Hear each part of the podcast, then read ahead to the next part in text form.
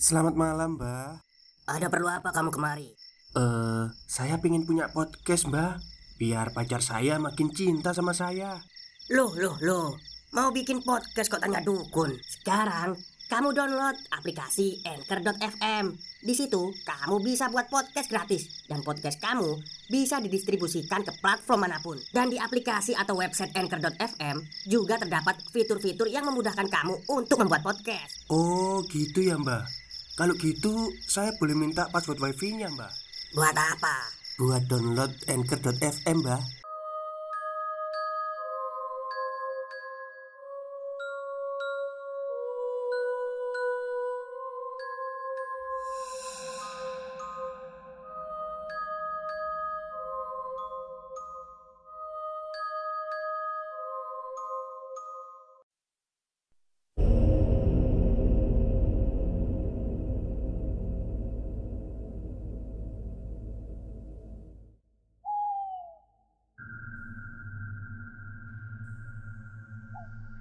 Assalamualaikum warahmatullahi wabarakatuh. Halo semuanya. Jumpa lagi dengan saya Chow Sing Sing Kurator dari podcast Horror Night Story.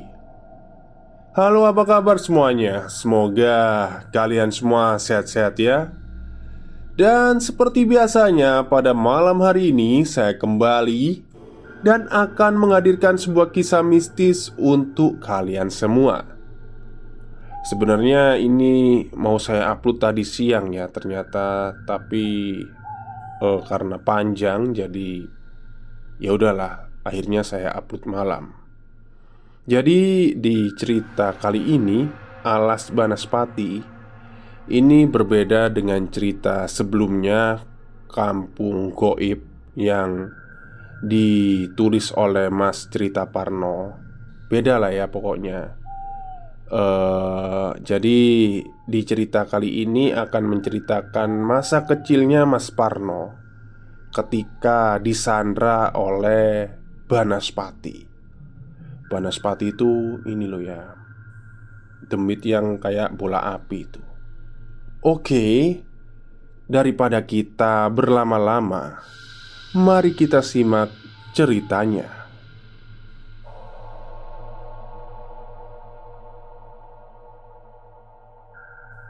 Alas Banaspati merupakan sebuah nama di tempat yang ada di desa saya, di mana di tempat ini saya pernah mengalami langsung sebuah kejadian mistis yang masih terekam jelas dalam memori ingatan saya sampai sekarang.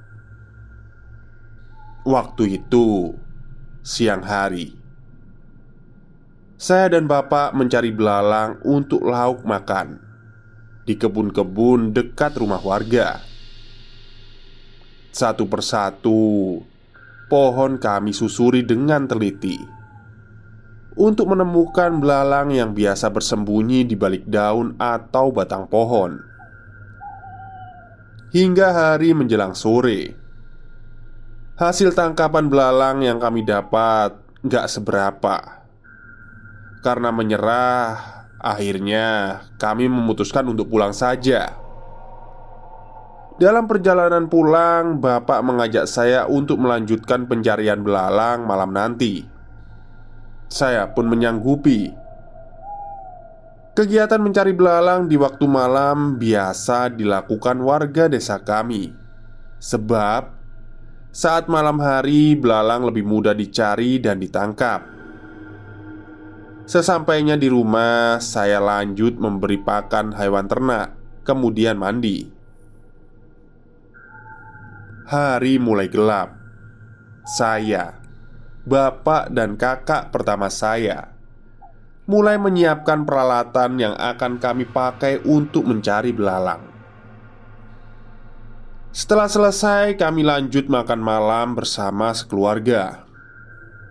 Selepas sholat Isya, saya, bapak, dan kakak pertama mulai berangkat mencari belalang ke daerah perkebunan yang ada di ujung desa. Berbekal lampu petromak dan senter, kami mulai perjalanan yang jaraknya kurang lebih 30 menit dengan berjalan kaki dari rumah. Di jalan menuju lokasi, kami bertemu dengan beberapa warga yang juga ingin mencari belalang. Kami pun berjalan bersama sambil ngobrol-ngobrol agar suasana tidak sepi. Sesampainya di lokasi, kami pun berpencar saya bersama bapak mulai mencari dari pohon ke pohon di satu area kebun. Sedangkan kakak saya mencari di area kebun yang lain. Baru beberapa saat, hasil tangkapan sudah lumayan banyak. Sesekali bapak berteriak memanggil nama kakak saya untuk memastikan keberadaannya. Kakak pun menjawab dengan teriakan. Begitu seterusnya. Itulah cara kami memberi sinyal keberadaan satu sama lain. Kami terus mencari dari satu area ke area yang lain, hingga semakin lama penyusuran kami mulai masuk ke sebuah kawasan hutan yang kami biasa menyebutnya Alas Banaspati. Ya, memang terdengar aneh, tapi memang benar itu namanya.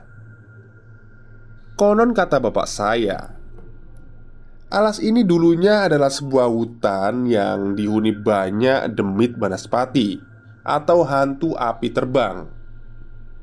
Kejadian-kejadian misterius dari kebakaran hutan, orang hilang, hingga banyaknya saksi mata yang melihat langsung penampakan banaspati ini Mungkin itu yang menjadi sebab hutan ini dinamakan Alas Banaspati. Tapi itu semua hanya cerita versi bapak saya saja. Untuk kebenarannya, saya sendiri kurang paham. Sebab sejak saya kecil belum pernah sama sekali mendengar kabar aneh tentang hutan ini, kecuali cerita dari bapak saya sendiri. Ketika saya dan bapak mulai memasuki kawasan alas ini, bapak hanya berpesan, "Ojok mencar lo yo, ojok misuh, nek wero barang ojok melayu." Atau jangan berpencar jauh, jangan bicara kotor, terus kalau lihat sesuatu jangan lari. Itulah kata bapak saya. "Nggih, Pak," jawab saya. Awalnya sih saya biasa saja Tidak ada perasaan takut sama sekali Hanya agak was-was Dengan binatang-binatang malam. Soalnya Tempatnya banyak semak belukar dan rumput liar. Ditambah hawanya yang sangat pengap dan Karena ada banyak pepohonan jadi agak gelap. Tapi karena banyak belalang di tempat ini, hal itu membuat saya tidak begitu memperdulikannya. Semakin lama, kami semakin masuk ke tengah hutan. Teriakan demi teriakan memberi sinyal keberadaan satu sama lain lebih sering terdengar. Hingga sampailah kami di sebuah area tanah lapang yang ada di tengah hutan. Di area ini terdapat satu pohon jati tua yang sangat besar yang posisinya tepat berada di tengah-tengah. Warga desa kami biasa menyebutnya dengan jati urip. Bapak mengajak saya berhenti untuk menunggu kakak saya serta warga yang lain. Beberapa saat kami menunggu, belum juga ada yang datang. Karena merasa jenuh, saya pun berkata pada bapak Duluan aja pak Biar pada nyusul nanti Hush Nggak boleh Harus sama-sama. Jawab bapak setelah mendengar jawab uh, kalimat dari saya. Dan saya pun menanyakan Kenapa begitu alasannya? Bapak pun mulai bercerita tentang tempat ini. Beliau mengatakan bahwa di area ini Tepatnya di pohon jati tua yang ada di tengah itu Pohon itu dihuni oleh Raja Banaspati. Di sinilah tempat di mana dulu banyak orang yang hilang. Warga desa kami mempercayai Jika hendak melewati tempat ini harus beramai-ramai dan tidak boleh dengan jumlah yang ganjil. Sudah banyak kejadian-kejadian orang hilang saat nekat melewati area ini dengan jumlah yang ganjil, apalagi seorang diri. Rasa takut sekaligus penasaran mulai terasa saat saya mendengar cerita dari bapak. Beliau kembali bercerita kalau pohon jati tua itu usianya sudah ratusan tahun. Bahkan sejak bapak saya belum lahir, pohon itu sudah ada. Alasan kenapa dinamakan jati urip karena konon menurut cerita dari orang-orang sesepuh dahulu, pohon ini bisa bergeser dari posisi satu ke posisi yang lain di malam-malam tertentu, dan sudah beberapa kali ambruk tersambar petir, tapi bisa berdiri tegak menjulang kembali. Walaupun oleh beberapa orang hal itu di, dianggap tidak masuk akal, tapi di kalangan warga desa kami hal itu dipercayai turun-temurun. Mungkin itu juga yang menjadi sebab tidak adanya tanaman lain yang tumbuh di area sekitar jati. Ditambah dengan tidak adanya satupun daun yang tumbuh di pohon itu. Oleh karena itu, area ini dinamakan Jati Urip, yang dalam bahasa Indonesia, urip berarti hidup. Tak lama setelah bapak selesai bercerita, satu persatu warga yang lain tiba menghampiri kami. Disusul kakak saya yang paling terakhir. Setelah kami berkumpul, timbul keraguan di antara kami. Sebab saat itu jumlah rombongan kami tujuh orang ternyata pertimbangan kami saat itu. Kami tidak mau mengambil resiko jika harus nekat berjalan melintasi area Jati Urip dengan jumlah yang ganjil. Sedangkan kalau ingin putar balik jaraknya juga sudah terlalu jauh. Akhirnya kami semua sepakat untuk tetap menunggu saja, berharap ada lagi warga lain yang datang. Kami duduk, melingkar, ngobrol-ngobrol sambil minum air putih yang kami bawa dari rumah. Sampai akhirnya ada seorang warga, sebut saja namanya Mbah Darmo, datang menghampiri rombongan kami. "Loh, sama siapa Pak D?" tanya bapak saya. "Sendirian," Orang tadi kalian duluan? Jawabnya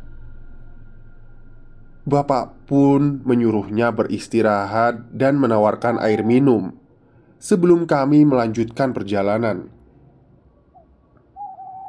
Beberapa saat kemudian Kami memutuskan untuk jalan lagi. Suasana begitu mencekam yang saya rasakan. Kami berjalan beriringan sambil sesekali ngobrol agar suasana tidak terlalu sepi. Ini anak kecil harusnya di tengah, kata Mbah Darmo kepada saya. Saya pun hanya nyengir, dan semua orang yang ada di situ tertawa mendengar candaan Mbah Darmo yang berusaha menakut-nakuti saya. Kulonun Numpang lewat, Eyang Kata-kata itu sering terdengar sepanjang perjalanan kami melintasi area ini kami berjalan menepi melewati pinggiran tanah lapang area Jati Urip. Sisi sebelah kanan kami adalah semak belukar yang sangat lebat. Pohon-pohon tinggi yang seolah menjadi pagar kawasan ini. Saat sudah setengah perjalanan, langkah kami berhenti. Kami semua melihat ada cahaya api kecil, seperti obor menyala tepat di ujung jalan yang akan kami lewati. "Se, se, se, berhenti dulu," kata bapak saya yang kebetulan posisinya paling depan. "Kenapa?" kata Mbak Darmo. Dipastikan dulu, Mbah. Itu beneran orang atau setan?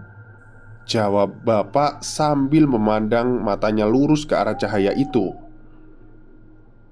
Kalaupun setan atau makhluk gaib Palingan juga anaknya Banaspati Kecil itu Jawab Mbah Darmo Mbah Darmo ini ternyata orangnya menyepelekan Bapak pun tidak menjawab dan tetap diam saja di tempat sambil terus mengamati cahaya api di depannya. Semua rombongan terlihat cemas. Saya hanya bisa berdoa dalam hati sebisanya, sambil menggandeng tangan kakak saya.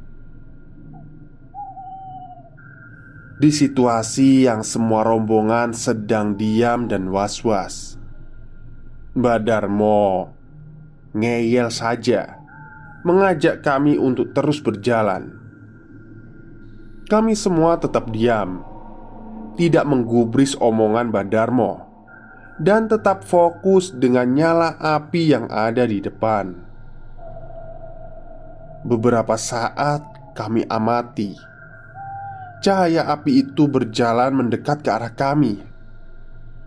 Kakak saya mencoba memastikan dengan mengarahkan sorot lampu senternya. Tiba-tiba Blar! Suara letupan terdengar Diiringi percikan nyala api yang seketika membesar. Astagfirullah! Gusti Allah! Gusti Allah Teriak kami semua. Hop, hop, hop. Jangan lari. Jangan lari nyebot, nyebot Kata bapak saya menenangkan.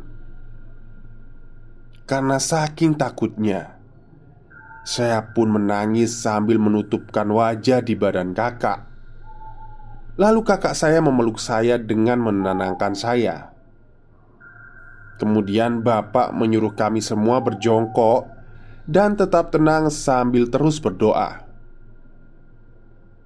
Beberapa saat Saya kembali membuka mata di situ, saya lihat dengan mata kepala saya sendiri sebuah benda seperti bola api yang sangat besar terbang mengitari area tanah lapang.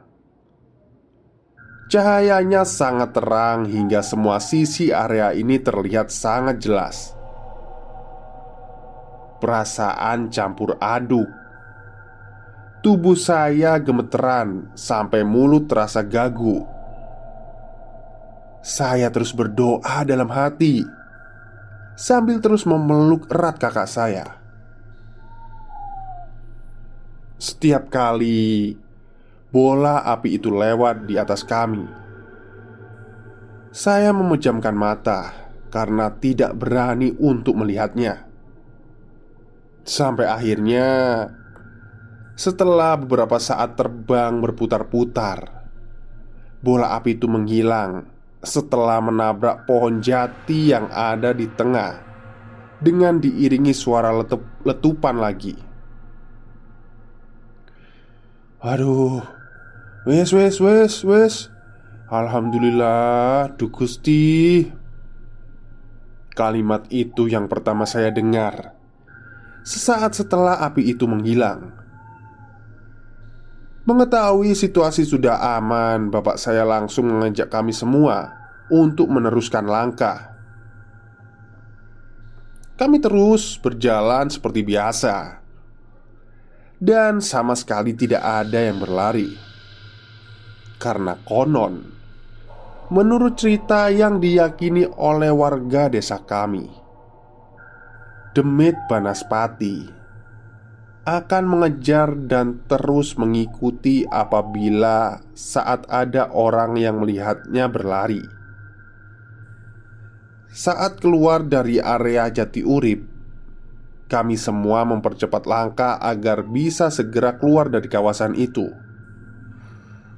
Kami semua mengurungkan niat untuk mencari belalang di tempat ini setelah mengalami kejadian barusan. Stop, stop. Kita break sebentar. Jadi gimana? Kalian pengen punya podcast seperti saya? Jangan pakai dukun, pakai anchor Download sekarang juga Gratis Tak lama kemudian kami keluar dari area alas Banaspati ini Dan mulai masuk di area perkebunan warga. Kami segera mencari tempat yang nyaman untuk beristirahat. Obrolan demi obrolan mulai mencairkan suasana Yang tadinya sangat tegang dan menakutkan. Tapi lagi-lagi Mbah Darmo Si makhluk ngeyel itu Masih saja mengucapkan kalimat-kalimat yang kurang mengenakan. Kalau istilah orang Jawa Ngeyel ke Malam mulai larut. Dan hasil tangkapan belalang yang kami dapat sebetulnya sudah lebih dari cukup. Kalau hanya untuk lauk makan satu keluarga.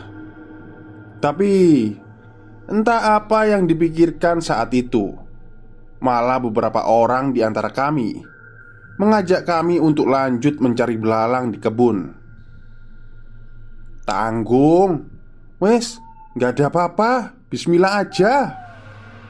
Kata salah seorang dari kami. Mendengar itu, Mbak Darmo pun langsung kegirangan Atau istilah Jawanya genggongi Dan Kala itu entah apa yang dipikirkan oleh bapak saya Beliau pun tertarik dengan ajakan itu Akhirnya Kami memutuskan untuk mencari belalang lagi di area perkebunan Kami mulai berpencar Saya dengan bapak berjalan memasuki area kebun jagung. "Pak, pulang aja yuk. Saya takut." Kata saya kepada bapak. "Udah, nggak apa-apa. Di sini aman kok." Jawab bapak. Saya sangat kesal mendengar jawaban bapak. Tapi mau gimana lagi? Gak mungkin kan saya pulang sendirian. Perasaan saya saat itu sangat tidak enak.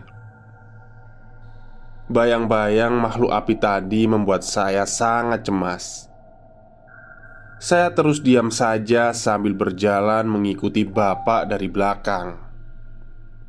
Saya menoleh, dan bapak menoleh ke arah saya. Kemudian bertanyalah dia. Kamu beneran takut? Tanya bapak Saya hanya mengangguk sambil menahan air mata saking takutnya. Si Bentar lagi ya. Biar wadahnya penuh dulu Kata bapak saya.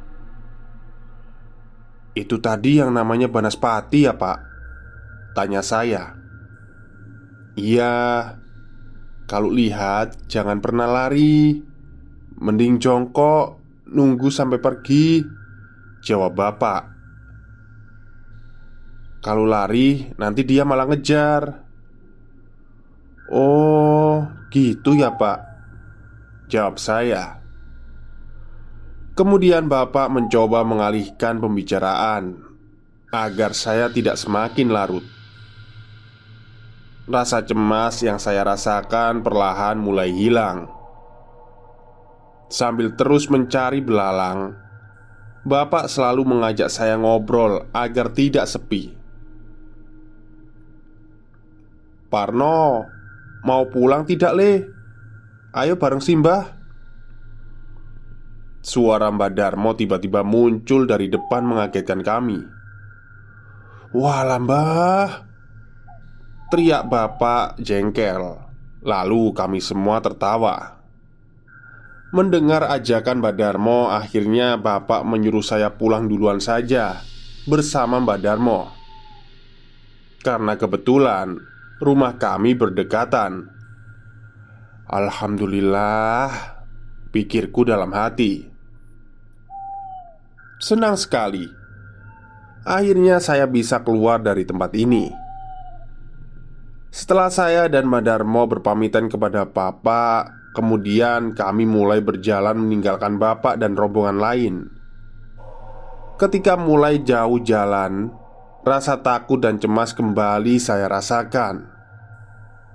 Entah kenapa, rasanya saya ingin balik ke tempat tadi dengan bapak. Gak apa-apa, gak usah takut, kata Mbak Darmo dengan tiba-tiba.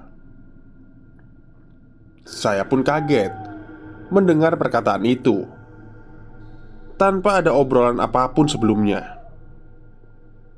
Kata-kata Mbak Darmo seperti menjawab kegelisahan dalam pikiran saya. Kami pun terus berjalan melewati jalan setapak di tengah-tengah perkebunan. Saya merasa perjalanan pulang ini lebih jauh dibandingkan saat saya berangkat. Sudah beberapa saat saya berjalan, tapi belum juga terlihat adanya tanda memasuki daerah pemukiman warga. Bah, benar ini jalannya? Tanya saya kepada Mbak Darmo. Beliau tidak menjawab dan terus berjalan sambil memegang lampu petromaknya yang mulai redup. Saya merasa aneh dengan sikap Badarmo yang lebih banyak diam selama perjalanan. Berbeda jauh dengan tadi saat bersama rombongan. Rasanya sangat menyesal saya pulang bersama beliau. Kalau nggak mau bareng ya pulang saja sendiri. Mendengar ucapan Badarmo, hati saya seperti rontok. Lagi-lagi beliau seperti bisa membaca isi hati saya. Saya hanya bisa diam sambil terus berjalan di belakangnya. Tak lama setelah itu, samar-samar saya mendengar suara gamelan. "Ada tontonan apa, Mbah?" Tanya saya mencoba mencairkan suasana. "Wayang, kamu mau lihat?" Jawabnya singkat. Saya sedikit tegal lah. Soalnya beliau merespon omongan saya. Kemudian saya melanjutkan bertanya Berharap ada obrolan lanjutan Supaya perjalanan tidak terasa sepi. Di mana wayangnya mbah? Tanya saya. Di depan sana. Nanti kita lewat kok Jawab Badarmo Beberapa saat kemudian, suara gamelan mulai jelas terdengar. Cahaya lampu terang dan kerumunan orang-orang terlihat di sebuah balai desa yang jaraknya beberapa ratus meter di depan kami. Alhamdulillah, akhirnya sampai juga di area pemukiman warga. Ucap saya dalam hati. Sesampainya di lokasi keramaian, Badar mau mengajak saya berhenti untuk melihat pagelaran wayang mulit. Kami pun mulai mencari tempat yang nyaman untuk duduk dan mulai menonton. Saat kami menonton, saya merasakan ada hal yang aneh. Tempatnya terasa sangat asing bagi saya. Karena penasaran, Akhirnya saya bertanya kepada Mbak Bah, ini di balai desa mana sih? Tanya saya. Darmo hanya melihat ke arah saya sambil tersenyum. Melihat respon Darmo Saya pun kembali diam. Lalu saya coba melihat ke arah orang-orang yang berada di sekeliling saya Keanehan semakin terasa saat saya melihat semua orang yang ada di sini hanya diam dengan pandangan mata kosong dan wajah pucat. Saya merasakan ada yang tidak beres di tempat ini. Saya sangat cemas dan hanya bisa diam sambil berpikir bagaimana caranya saya cepat pergi dari tempat ini dan pulang ke rumah. Tunggu sebentar ya. Mbah mau pipis dulu Kata Mbah Darmo. Saya pun hanya mengangguk. Saat Mbah Darmo beranjak dari tempat duduknya Saya mencium ada wangi bunga yang baunya sangat menyengat Membuat seluruh badan saya merinding. Saat itu Saya mulai sadar Bahwa saya sedang tidak baik-baik saja saya mulai memejamkan mata. Ya Allah, jika sekarang adalah saatnya aku menghadapmu, semoga kau pertemukan ragaku dengan sanak keluargaku. Sesaat setelah selesai berdoa dan masih dalam posisi terpejam, suara gamelan tidak lagi terdengar bayang cahaya terang lampu yang menembus kelopak mata menjadi gelap. Dan saat saya kembali membuka mata, yang saya lihat hanyalah semak belukar, kegelapan, dan suara hewan malam. Kembali saya pejamkan mata, berharap ini bukan mimpi. Dan saat saya kembali membuka mata, saya lihat pandangan masih sama. Akhirnya saya pasrah. Hanya itu yang bisa saya lakukan saat itu. Tidak ada pilihan lain.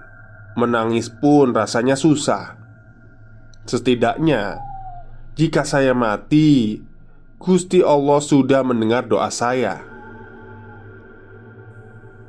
Beberapa kali saya mencoba berteriak, minta tolong tapi tidak juga ada yang mendengar. Saya hanya bisa diam di tempat, duduk meringkuk, memejamkan mata sambil terus berzikir, berdoa, berharap Gusti Allah memberi pertolongan. Beberapa kali saya mendengar suara-suara seperti langkah kaki dan benda bergerak di semak-semak sekitar saya. Tapi saya hanya diam dan terus memejamkan mata saya karena saya tahu bahwa itu tidak mungkin suara langkah manusia. Angin bertiup semakin lama semakin kencang, diiringi suara gemuruh pepohonan yang rasanya seperti berputar mengelilingi tubuh saya. Tak lama setelah itu, cahaya yang sangat terang menembus kelopak mata saya yang sedang terpejam. Saya membuka mata saya perlahan-lahan, dan saya melihat ada bola api yang sangat besar, lebih besar dari yang saya lihat sebelumnya. Terbang berputar-putar mengitari saya Bola api itu terus berputar hingga membakar pepohonan dan semak belukar di sekeliling saya. Melihat api di sekeliling saya, saya semakin lama semakin takut. Saya kembali meringkuk, memejamkan mata dan menangis sambil terus membaca doa. Hawa panas dan asap tebal semakin lama semakin terasa mendekat ke arah tubuh saya. Tiba-tiba terlintas dalam pikiran saya untuk mengumandangkan adzan. Jika nanti raga saya jadi abu dan tidak diketemukan, setidaknya saya sudah mengumandangkan adzan untuk diri saya sendiri. Pikir saya saat itu. Lalu saya membuka mata dan segera berdiri. Saya angkat satu tangan, lalu menutup telinga sebelah kanan. Kemudian, saya mulai mengumandangkan adzan di tengah-tengah kobaran api yang besar itu. Allahu Akbar, Allahu Akbar. Sambil menutup kembali mata, adzan saya kumandangkan. Sampai di tengah-tengah adzan, hawa panas itu mulai memudar berganti dengan semilir angin yang bercampur dengan asap yang saya rasakan. Saya terus memandangkan adzan sampai selesai. Kemudian perlahan saya kembali membuka mata saya dan saya bersyukur ternyata kobaran api tadi telah padam. Hanya tinggal kepulan asap dan abu, sisa bakaran yang saya lihat. Allahu Akbar Allahu Akbar La ilaha illallah Kalimat itu terus-menerus saya ucapkan Sambil saya bersyukur Saat saya bersujud Samar-samar saya mendengar ada suara adzan dari kejauhan. Harapan saya mulai muncul ketika saya mendengar suara adzan itu. Dan semua keajaiban yang baru saya alami adalah pertanda baik pertolongan Gusti Allah yang masih memberi saya kesempatan untuk hidup. Setelah selesai mendengar adzan dan masih dalam posisi sujud, saya kembali dikagetkan dengan suara seseorang tepat berada di samping saya. "Leh, Parno." Hati saya rasanya kembali rontok setelah mendengar suara itu. Saya pun kembali menangis, masih dalam posisi yang sama. Tiba-tiba, dua tangan memegang pundak saya dan menyuruh saya untuk berdiri. Sambil mata tetap terpejam, saya mulai berdiri perlahan dan tidak berani membuka mata sedikit pun. Ojo wedile, aku ingin menolongmu. Sekarang, ayo kita pulang. Orang tuamu sedang bingung. Suara yang sangat lemah lembut saya dengar. Kemudian pelan-pelan saya mulai membuka mata saya melihat ada seorang kakek tua memakai baju serba putih dan ikat surban di kepalanya, berdiri tepat di depan saya. "Sampean siapa, Mbah?" tanyaku. "Aku diutus untuk nganterin kamu pulang. Ayo pulang." Jawabnya dengan halus. Beberapa saat saya hanya terdiam. Kemudian dia memegang tangan saya dan mengajak saya berjalan. Rasanya saya tidak bisa menolak ajakannya. Dia terus berjalan menggandeng tangan saya, melewati jalan setapak kecil yang terang seperti terkena pancaran sinar matahari. Rasa-rasanya baru beberapa langkah saja kami sudah sampai di ujung pemukiman desa. Kemudian beliau berkata, "Simbah, bisanya cuma nganter kamu sampai sini ya, Nak. Kamu jalan maju terus, jangan nengok ke belakang." "Nggih, Mbah. Matur nuwun. Saya pamit pulang ya." Jawab saya. Kemudian beliau menyuruh saya berjalan. Saya pun segera memulai langkah. Assalamualaikum. Suara salam beliau saya dengar saat saya mulai berjalan beberapa langkah. Saya pun menjawab, "Waalaikumsalam." Sambil terus berjalan ke depan tanpa menengok ke belakang karena saya ingat pesan dari beliau.